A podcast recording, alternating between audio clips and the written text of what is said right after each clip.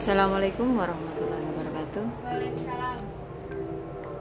Ini adalah catatan harian saya daripada saya mencatat tentang keinginan saya untuk mempelajari tafsir Quran bukunya Bapak Quraisy Shihab yaitu Tafsir Al-Misbah selain saya ingin menghafal Al-Quran.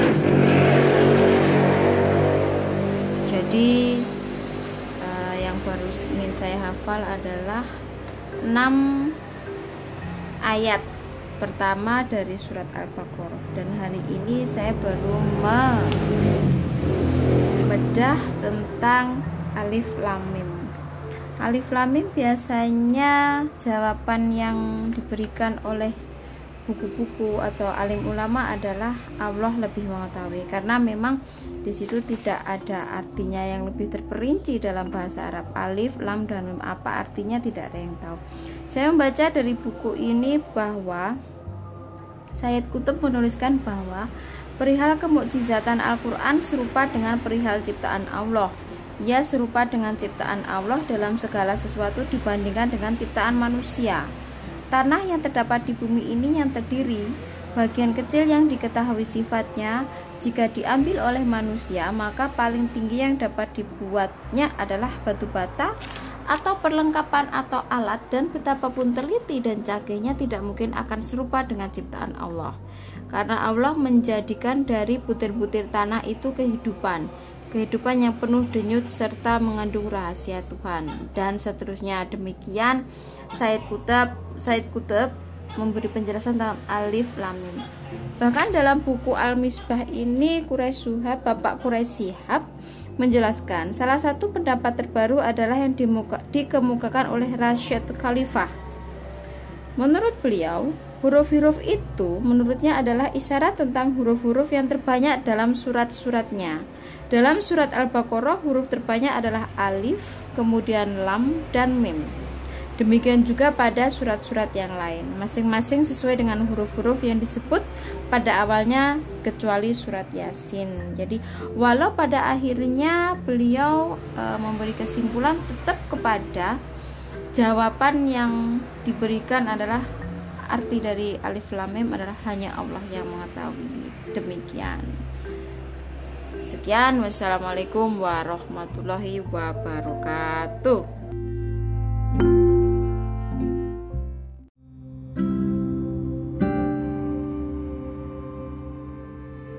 Assalamualaikum warahmatullahi wabarakatuh. Masih tentang catatan harian Saya belajar buku Bapak Muhammad Quraisy tentang tafsir Al-Misbah. Saya masih berada di Alif Lam Mim.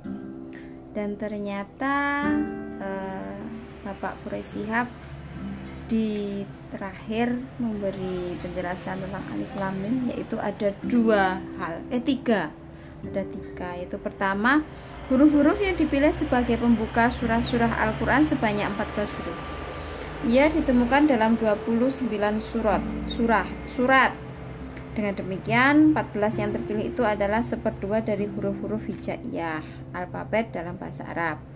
14 huruf tersebut dirangkai oleh sementara ulama antara lain dengan kalimat nash, karim, kopi, lahu, syir yaitu artinya teks mulia yang bersifat pasti dan memiliki rahasia. Pastinya ya karena memang sebuah rahasia.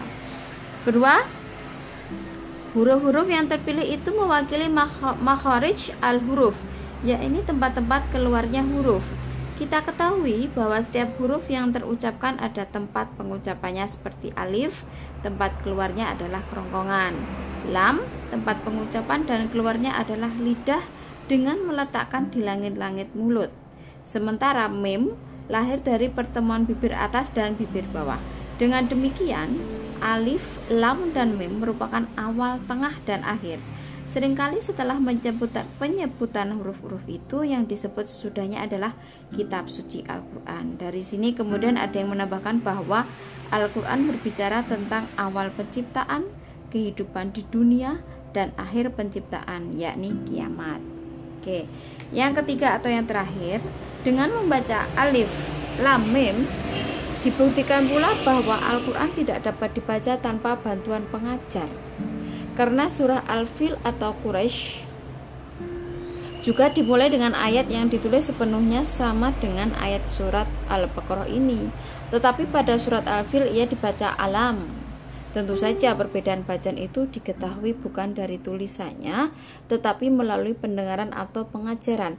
Memang sejak semula Nabi Muhammad SAW menerima ayat-ayat Al-Quran melalui pengajaran malaikat Jibril alaihissalam yang ketika mengajarkannya tidak membawa kertas tertulis selembar pun. Jadi yang ketiga ini diharapkan saat belajar Al-Quran seharusnya dibantu dengan pengajar atau guru. Demikian untuk alif lamim catatan harian hari ini dari saya tentang terjemah alif misbah ada tiga bab. Demikian sekian. Wassalamualaikum warahmatullahi wabarakatuh